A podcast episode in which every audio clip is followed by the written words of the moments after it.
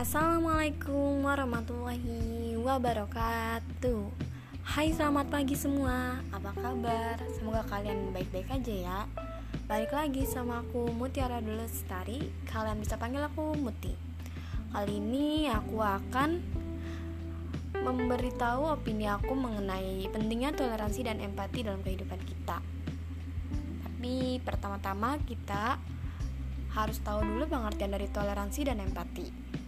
Jadi, toleransi adalah sikap yang saling berhubungan dengan penuh untuk menghormati perbedaan pendapat, agama, ras, dan budaya yang ada di kehidupan kita. Perilaku menghargai apa yang dilakukan oleh orang lain dan tidak mengganggunya agar tidak menimbulkan konflik.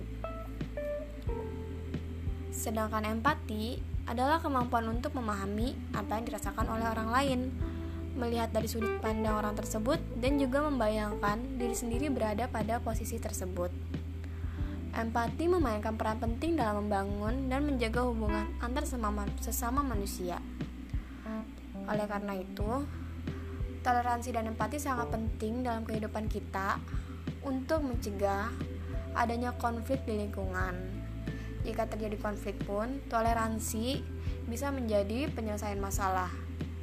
Dan empati bisa menjadi salah satu upaya untuk mengerti kondisi dari pihak yang menjalani konflik.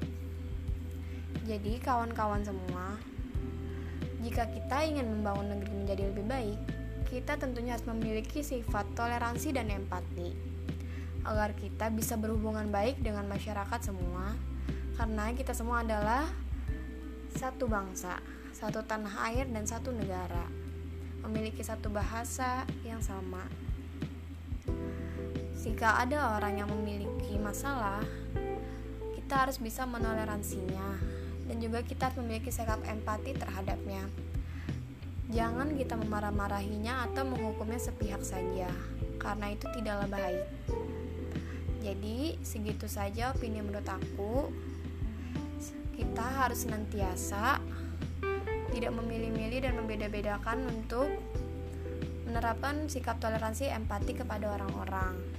Jadi, menurut kalian, gimana pentingnya toleransi dan empati bagi kehidupan kita?